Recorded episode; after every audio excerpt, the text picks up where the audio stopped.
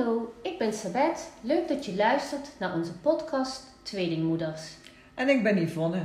En vandaag hebben we te gast Helene van Tongeren, jeugdverpleegkundige. Welkom Helene. Gezellig, Yvonne en Sabet. Welkom Helene. Ja, leuk in onze podcast. Gezellig. Ja. Ehm, jeugdverpleegkundige. ja. Zou je ons willen uitleggen wat dit beroep inhoudt? Eh, ik heb die eerdere podcast, podcast van Anita al gehoord. En eh, daarin vertelde zij wat de jeugdarts doet. Ik wil daar even op teruggrijpen. Ja, fijn. Want dat, is, dat maakt het eh, meer een verbindenis in het Ja. geheel. Kijk, als jeugdverpleegkundige ehm, en ook als jeugdarts, wij kijken eigenlijk naar normale groei en ontwikkeling van alle kinderen die pasgeboren zijn. Van 0 tot 4 op het consultatiebureau. En van 4 tot 18 is het vervolgtraject, om het Mhm. maar zo te zeggen. De, de ouderwetse schoolartsdienst. Ehm, wat wij eh, als jeugdverpleegkundigen doen eh, bij, de eerste bij een geboorte van een, eh, een- van een baby. We worden ge- ingelicht door en de gemeente, maar ook door het kraamcentrum en door de verloskundige dat een kind geboren is. Dus dat zijn verschillende ingangen waar, en waar, waar je ook verschillende informatie van krijgt eigenlijk. Ja. Dus daar, ehm, daar haal je al een heleboel informatie uit. En dan weet je ook van oké, bij deze ouder moet ik wat sneller op bezoek gaan. En bij deze ouder, het is druk, ik kan iets later. Dat verschil is niet zo heel groot. Er zit, er mag maar max vijf dagen in zitten. Max vijf dagen vanaf de geboorte of vanaf Nee, dat de tiende, dag gaan wij op huisbezoek. Er is altijd eerst de kraam. Als mensen kraam hebben, kraamhulp. Ja. Want dat is niet bij iedereen. Ja. Niet iedereen wil dat. Niet iedereen, eh, ja, is het voor iedereen weggelegd, om maar zo te zeggen. Dus ehm, daar kunnen mensen een keuze maken. Net zo goed als een keus maken of ze wel of niet naar het consultatiebureau Ja. willen gaan. Dat hadden we ook begrepen van, eh, van de jeugdarts of van. Anita. Ja. Ja. En dan tussen de 10 en de 15 dagen ga je de ouders thuis bezoeken. Ja, gaan we de ouders thuis bezoeken. En dan ehm, hebben we met de informatie van de verloskundige en de kraam... Hebben wij een, eh, proberen wij een heel dossier op te bouwen. Van hoe was de zwangerschap? Hoe was de bevalling? Ehm, hoe gaat het nu met moeder en kind, vader? Ja. Ehm, hoe, hoe gaat het eh, met, met het eten, het drinken, ehm, nou, al dat soort dingetjes. Wat zijn de vragen van moeders, vaders die er spelen? Want ja, de kraam is meestal tot een week. Dan zijn ouders vaak een, een, nou, een dag of vier, zeg maar, eh, op zichzelf. Ja, Precies. En daarna, en in die paar dagen komen er altijd een heleboel vragen. Ja. Dus dan zien ze ook meer andere dingen weer. Ja, Ja. want Ja. ik weet nog toen eh, de kraamhulp wegging bij mij, dan viel je eigenlijk een beetje zo in zo'n gat. Ja, zo Hè? voelen mensen Zo dat. voelen mensen Ja. dat ook. En dan, dan komen jullie en dan heb je in die tussentijd heb je waarschijnlijk een hele hoop vragen eh, Ja. verzameld. En dat kan Precies. dan eh, aan jullie Dus gesteld worden. meestal is dat iets wat je als, waar je als eerste mee begint. Omdat je dan eigenlijk, want dat zijn ook vragen die wij hebben. Want vaak is het van kinderen hoe het gaat met het slapen, het eten, de groei, ehm, nou, het huilen. Van alles en nog wat komt er naar voren. Mhm. Dus dat is wel iets, ehm, als je daarmee begint heb je al een heleboel informatie. Ja. Ja, ik had eens even op internet gekeken van, goh, wat houdt het inderdaad nu in, jeugdverpleegkundige? En er staat inderdaad, wat jij vertelt, het praten over de dagelijkse verzorging, de opvoeding en ontwikkeling eh, van de kinderen. En ja, je staat ook nog het systematisch signaleren van de balans tussen de draagkracht en draaglast, ondersteunen van de ouders, dat dat Ja, dat belangrijke is- taken zijn. Ja, ja, dat is ook iets wat de laatste tien jaar meegenomen wordt. In die zin, eh, dat is een hele vragenlijst. Dat is de, de maatschappelijke ondersteuning. Dat is een hele vragenlijst. En die gaat niet zozeer specifiek over het kind, maar over het gezin. Oké. Het gaat vooral over hoe gaat het met papa, hoe gaat het met mama, hoe, ehm, hoe doen ze het nu, wat waren de verwachtingen, is het uitgekomen? Oh, of, ja. eh, Oh, Ja. bijzonder. Het Ehm, gaat best wel ver dan. En, en die gaat, ja, het gaat, we willen eigenlijk best veel weten. Sommige Mhm. mensen vinden dat niet altijd heel fijn. Snap want ik, ja. ja, je wil ook eigenlijk weten hoe is het met het werk. Ja. Loopt het allemaal of is er geen werk? Hebben mensen, eh, hoe is het met de financiële draagkracht in het gezin? Mhm, mhm. En dat is belangrijk omdat eh, al deze dingen invloed hebben op de ontwikkeling Ja. van een kind. Snap ik helemaal, maar ik snap ook inderdaad, het zijn wel ook privévragen natuurlijk. Het zijn Maar- privévragen, maar Ja. waar wij toch wel graag een tipje van de Ja. sluier willen hebben. Snap Om ik. maar zo te zeggen. Ja, Want als daar stress om is, hè, om, Ja. financi- om financiën, inderdaad, er is geen werk, ja, dat heeft allemaal invloed Ja. op het gezin. Ik snap het. Ja. Ja. En dan stel het geval is eh, dat de gezinssituatie eh, eh, financieel niet goed is, eh, een van de ouders heeft geen werk of beide geen werk en je ziet dat er dan problemen eh, in de gezinssituatie opstaan, op, ja, kan zijn, gaan jullie dan vaker op huisbezoek? Of, Nou, het ligt er een beetje aan wat, waar het probleem ligt. Ehm, is het een opvoedkundig probleem, Ja. dan gaan we altijd wel vaker op. Tuurlijk. Dan kunnen we vaker op huisbezoek Ja. gaan, laat ik het zo zeggen. ja, Maar dat, dat speelt zich vaker ehm, later af, Later eigenlijk. ja. Kijk, in het begin gaat het vooral over ehm, eh, het huilen en het drinken Mm, en ja. groeit een kind. Specifiek Voeding. over. Dat zijn de, hele, de, de Ja. grote vragen van ouders op, dit moment, Ja. op, op dat moment. Ja. Ja, dan heb je natuurlijk flesvoeding, borstvoeding, dat ze er Ja. vragen over hebben, inderdaad. Ja, ja, snap ik.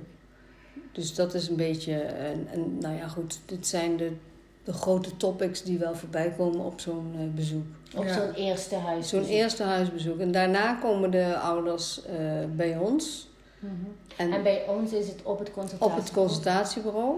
Ja, en dat is, eh, ja, daar zijn echt specifieke contactmomenten, wat Anita ook al zei. Ja, Vier weken, acht weken, drie maanden, vier maanden, vijf maanden, vier of vijf maanden, zeven en een halve maand, negen maand Mhm. en ruim een jaar. Ja, ja. ja. En in die tussentijd, als er niks aan de hand is, Ja. eh, dan gaan jullie ook niet meer op Nee. huisbezoek. Nee. Als, als ouders helemaal tevreden zijn en het loopt lekker, dan hoeven wij niet nog een keer eh, op huisbezoek. Nee. Maar jij vroeg in het begin even, Sabet, van goh, als er dan problemen zijn, en dan gaf je ook aan financiële problemen. Ja. Ja, dat is natuurlijk niet iets voor jullie, Nee. dat snap ik. Maar jullie kunnen wel inderdaad doorverwijzen. Dat hebben jullie wel. Ja. Dat jullie zeggen, ga eens met... ehm, Kijk, je kunt altijd met het maatschappelijk werk, Ja. kun- ze kunnen altijd doorverwezen worden naar het maatschappelijk werk, dat soort dingen. Ja, ja. En je gaat wel, je, je gaat wel kijken ook ehm, op, op wat voor punten zijn er dingen waar, waar wij iets mee Ja. kunnen. Ja, ja, specifiek. En daar waar jullie niets mee kunnen, kun je altijd doorverwijzen. Ja, dat proberen we in Ja, ieder geval te doen. jullie in ja. ieder geval, ja. Ja. Dus dat jullie zo heel, zoveel mogelijk breed kunnen ondersteunen of adviseren. Ja, Ja, ja. Ja. Ja, dan kun je ook voor hun eh, andere eh, hulp misschien inroepen Ja. in huis dan eh, aangeven. Nou, in huis, kijk, dat is allemaal, wij kunnen het aangeven en wij kunnen het aangeven bij andere welzijnsorganisaties. Ja. Wij denken dat deze ouder, dit gezin, ondersteuning nodig heeft in, nou, noem het opvoeding, noem het hulp in, in, in, met het organiseren van het huishouden, al dat soort dingen. Dat, en dat, ja, en dan zijn wij niet degene die daarover beslissen, moet ik eerlijk dat zeggen. ik. Ja. Dat snap ik. En die ondersteuning in eh, opvoeding, eh, hoe, hoe gaat dat dan? Is dat weer speciaal een andere organisatie? Of, ehm, Nou, we- wat wij wel doen is, ehm, en dan heb je het al vaker eh, over een wat ouder kind, hè, praat Ja. je dan alweer. Ja. Ehm, met opvoeding. eh, het begint natuurlijk al eigenlijk al met eh, slaapproblemen. Mhm. Kinderen die niet makkelijk in slaap vallen, hoeveel, ehm, hoeveel, eh, ja, hoeveel tijd daarin zit, dat, dat is heel wisselend. Je geeft natuurlijk ook allerlei adviezen op het bureau. En daarna ga je nog eens kijken van, slaat het aan bij ouders? Kunnen ze er wat mee? Heb je het gevoel van, nou, ik weet niet of dit helemaal eh, goed aanslaat? Dan ga, je met, ja, dan ga je bellen, dan ga je eerst telefonisch eh, nog eens in gesprek. En dan als, als je denkt van nou nee, dit, dit is ook niet eh, helemaal duidelijk van twee kanten. Dat kan voor ons niet duidelijk zijn wat zij allemaal doen. Maar voor hen kan het ook niet duidelijk zijn wat wij bedoelen. Ja, Ja, tuurlijk. Ja. Dus dan gaan wij op huisbezoek. ja. En ja, van daaruit kijken we wel weer verder wat er dan moet, Ja. kan. Ja, dat, dat kun je ook alleen maar op dat moment Ja. dan eh, beslissen. Het verandert natuurlijk ook eh, allemaal, ja. En eh, we hebben het van tevoren nog even gehad, eh, voordat we de podcast starten, over positief opvoeden volgens de Triple P-methode. Ja. Ja. En kun je daar ook iets wat meer over vertellen? Ja, triple P is eigenlijk een, ehm, een, ehm, een, een, een, hoe zal ik het zeggen, een uit Australië overgekomen opvoedingsstijl die ehm, ervan uitgaat dat je, eh, dat er, dan wordt er eh, gevraagd aan ouders van, ehm, er, is, er zijn vaak meerdere problemen. Dus even om het heel kort uit te leggen is een beetje lastig namelijk. Ja, er zijn meerdere problemen. En, en dan vragen de ouders: oké, we hebben pak er één probleem uit waar jij het meest last van Ja. hebt. Dus dan, Mhm. nou ja, dat kan slapen zijn, maar kan ook driftbuien zijn of al dat soort dingetjes die, Ja. eh, die veel voorkomen. En daar ga je dan mee aan de slag en dat gebeurt door ehm, vragenlijsten die kinderen of die ouders dan in, invullen over het gedrag van het kind, wanneer dat ontstaat en hoe lang het duurt en ja, wat er voorafgaande Ja. aan gebeurde dat soort dingetjes. En van daaruit ga je dus een gesprek aan met ouders om een positieve draai aan dit eh, in het geheel Ja, te ja. geven. Ja. En dat neemt natuurlijk diverse eh, huisbezoeken in beslag, neem ik aan. Ehm, nou, daar staat, eh, het is een beetje wisselend natuurlijk, maar er staat zo'n drie huisbezoeken voor. Ja. Nagelang Drie, vier, ja, nagelang het probleem. Ja. Maar het is vooral belangrijk dat je begint met één probleem. Weet je. Dat ze het Ja. ergste eruit kiezen of wat voor hun Ja. het ergste Ja. is dan. Kijk, je kunt niet alles in één Nee. keer oplossen. Maar als je, een, als je deze methode een beetje bij jezelf eh, houdt en, en zegt van oké, ik ga dat zo proberen. Mhm. Dan heb je kans dat dat ook op andere vlakken Mm, werkt. Dus niet alleen bij een, een puber die driftig is, maar ook met slapen. Het gaat vaak om wat kinderen, eh, wat je vaak ziet, is dat kinderen eh, veel regelmaat nodig hebben en veel duidelijkheid over wat Ja. mag en wat niet mag. Ja. Maar ook een hele positieve draai aan dingen kunnen geven. Want kinderen, eh, ja, weet je, ouders hebben de neiging om een kind te laten spelen. Als het goed gaat, zeggen we niks. Ja. Alleen als het fout gaat, wordt er wat gezegd. En dat is natuurlijk, ja, dat is heel logisch. Dat doen heel veel mensen. Maar voor zo'n kind is dat niet duidelijk van, oh, ik doe het goed, dus... eh, Ja, Hè? tuurlijk. maar als er iets, eh, iets fout gaat, dan, Dan wordt er ze gecorrigeerd. Ja, dan Ja. wordt er meteen op ze gemopperd. En als er iets goed gaat, wordt er geen complimentje Nee, gegeven. wordt geen complimentje. En daar moet je wel naartoe. Positief benaderen. Positief benaderen. En het eigenlijk meer het positieve benaderen en het negatieve wat zo min mogelijk benaderen. Misschien. Nou, je, moet, je, je hoeft niet negatief te zeggen van, oh, dit is fout of dat, dat, dat moet je niet doen. Maar je moet vooraf, zeg maar, de spelregels duidelijk Ja, maken ja. voor een kind. Ja, ja, En dat kan heel simpel zijn. Je mag niet op het behang krassen. ja. Maar dan moet je wel zorgen dat er genoeg papier in huis is om wel op te Of geen krassen. behang. Of geen behang. Dat zou ook kunnen, Ivo. Dat zou ook kunnen. Maar goed, ja, je, moet een bepaalde Ja. voorwaarden Het klinkt voldoen. heel simpel. Het klinkt heel zegt. simpel, Ja. maar- Nee, maar soms is het wel zo. Kijk, en het is wat jij ook aangeeft, Helene. Het is gewoon heel belangrijk dat kinderen gewoon duidelijkheid hebben. En dat de ouders, lijkt mij, consequent blijven. En het klinkt heel, heel dat ouderwets. is heel moeilijk. Daar wel, hebben wij hè? het ook wel eens over gehad. Ja. De, de rust, rijden, regelmaat, regelmaat. de drie R's. En het is nu, dat klinkt nu wel heel oudbollig, dat snap ik. Maar je merkt wel dat kinderen daar toch wel... eh, Heel, goed bij gedijen. Precies, ja. ja. En inderdaad, consequent. Ja. En dat, Ja. dat is wat je zegt, Sabet, dat is zeker moeilijk. Ja. En als je dan zo'n kleintje hebt die je helemaal verleidt van mama mag het toch of dit of dat, snap ik dat ook helemaal. En het is ook moeilijk soms, want kijk, op een gegeven moment aan het eind van de dag is iedereen moe en heeft het gehad. Ja. En dan Ja. komt er zo'n Ja. kind en dat zit maar te zeuren over Ja. een snoepje. Ja. En En dan denk je, eigenlijk wil je het niet, want je weet dat het er over een half uur gegeten Ja. wordt. Maar oké, Geef het maar. geef maar Ja. even. Dan ja. hebben wij rust. Kind is Hebben we allemaal heel even rust. ja, De dag daarna komt hij weer en de dag daarna Ja. komt dat hij is weer. het. Ja, ja. Ja. Ja. Kijk, en ik denk ook inderdaad met consequentie, dat hoeft ook niet zwart-wit. Je Nee. mag wel eens een keertje Tuurlijk niet. consequent zijn. Maar als je dat inderdaad benoemt, dus je zegt nou, je weet dat ik je geen snoepje geef voor het eten, maar dit keer, ehm, nou laten we het toe, maar dat wil niet zeggen Ja. inderdaad. hè, dat kan Ja. ook als je het benoemt en bespreekt. Ja. Ja. Ja. Nou, dat, eh, ik vind dat wel een hele mooie methode dan. hè, En vooral de positiviteit benaderen. Ja. Ja, dat, daar, gaat, daar draait het En daar voelen ze zich ook allemaal veel beter onder, iedereen Ja, uiteindelijk. Ja, het kind Nou, en de ouders. Ja. Het heeft ook een, een beetje een, een andere kant. Het is een vrij strakke methode, Hmm. eigenlijk.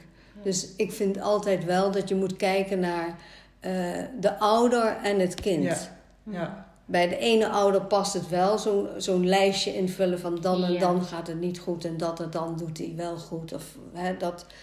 Maar ja, dan moet je samen een beetje uitzien te komen. Snap ik. Dat is En, niet en ook zo strak. per probleem. Hè, dat je Per bij de ene misschien inderdaad wat- het ene probleem wat strakker moet Ja. zijn. En het andere, wat misschien niet zo'n heel groot probleem is. eh, dat je wat minder Ja, dat zijn. is, ja, maar wat voor ons geen groot probleem Ja, ja. hoeft te zijn, kan voor een ouder wel een groot Mm. probleem zijn.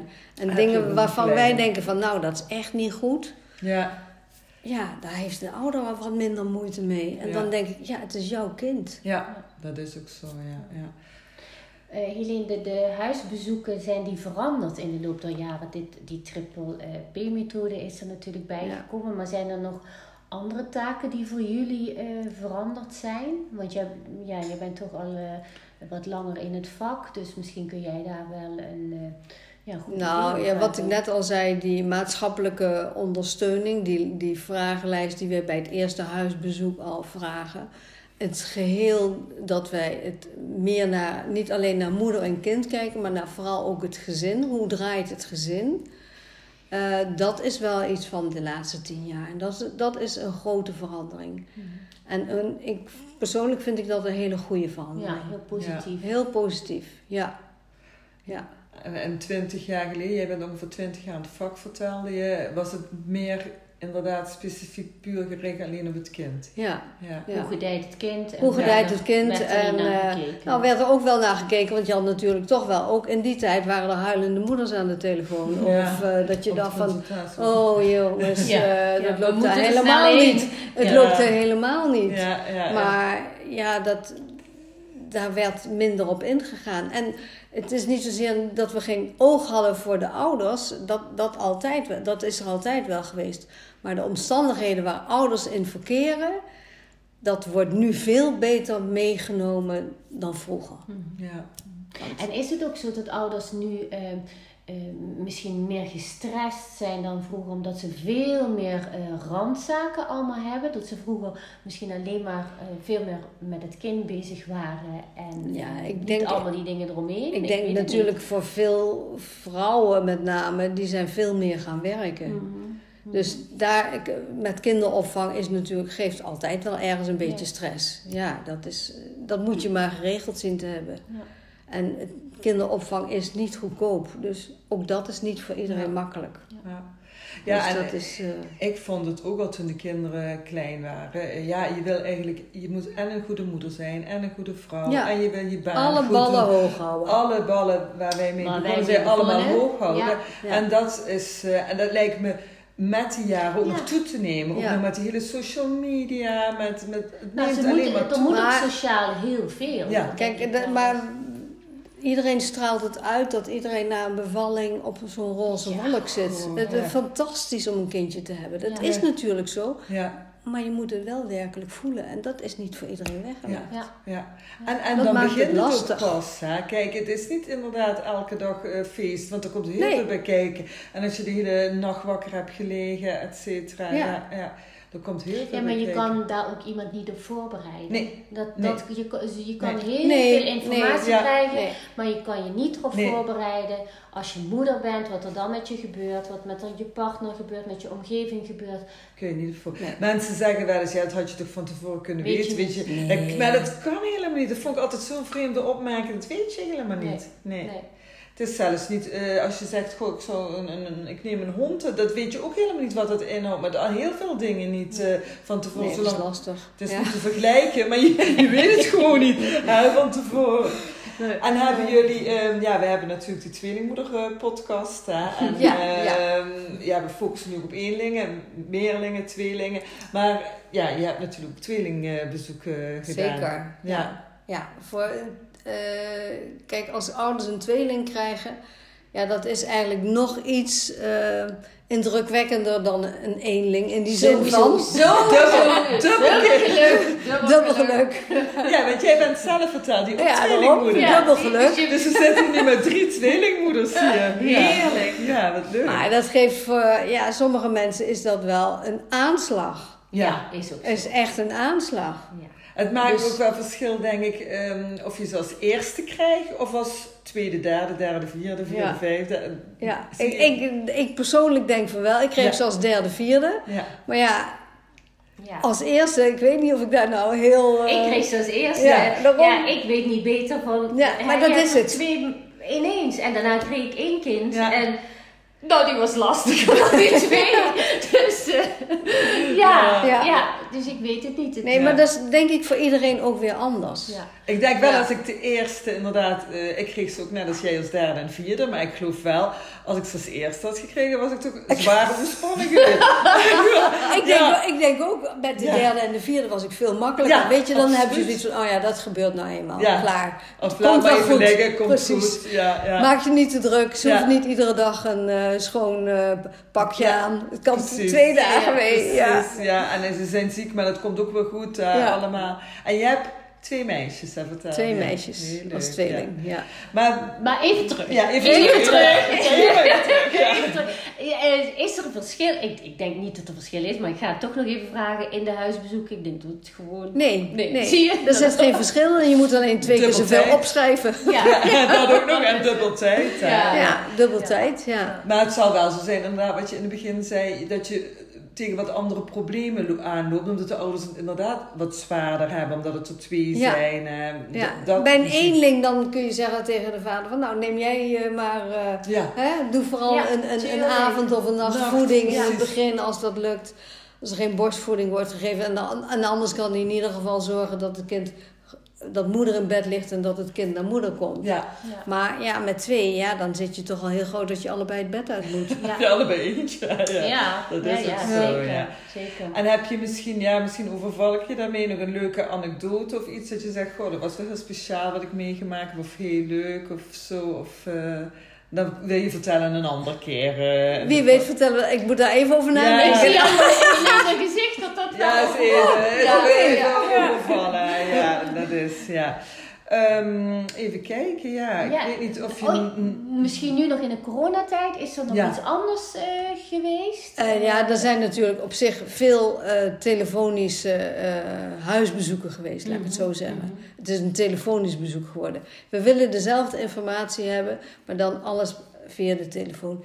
Dat is niet ideaal. Nee, dat snap ik. En, en je wil eigenlijk. beeld bellen of alleen maar. Ja, dat kan. Ja, ja. dat ligt een beetje aan de ouders. Ja. Of ze dat zelf willen. Niet iedereen is heel handig met een telefoon. En niet iedereen. Dat is ook met een telefoon. Uh, mensen. Uh, die een andere taal spreken, is heel lastig om dat via de telefoon te doen. Dat snap ik. dan kun je niks zien, dan kun je niet zien wat mensen bedoelen, wat ze eigenlijk willen en dat soort zaken.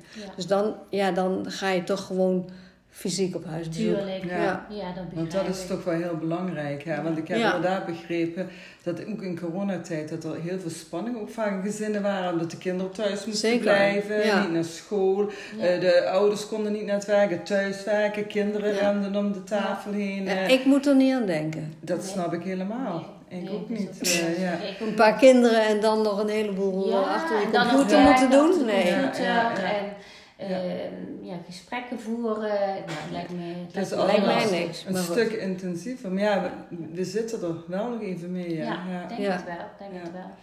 Helemaal. Ja, um, ik weet niet of je nog iets... Ja, we hebben al heel veel informatie gekregen. Ik vond het heel interessant. Misschien is er nog iets dat je zegt, nou dat zou ik nog willen vertellen. Of dat. Of uh, dit vind ik leuk om een andere keer te vertellen. Je gaf aan... Ik denk dat...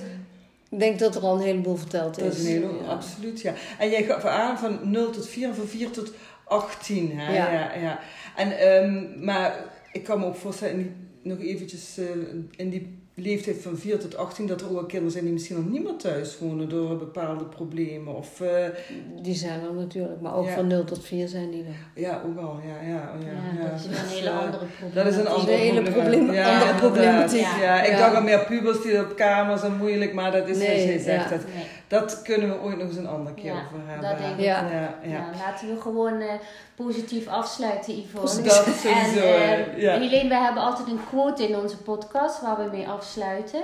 En de quote van vandaag is... Laat twijfel nooit je dromen in de weg staan.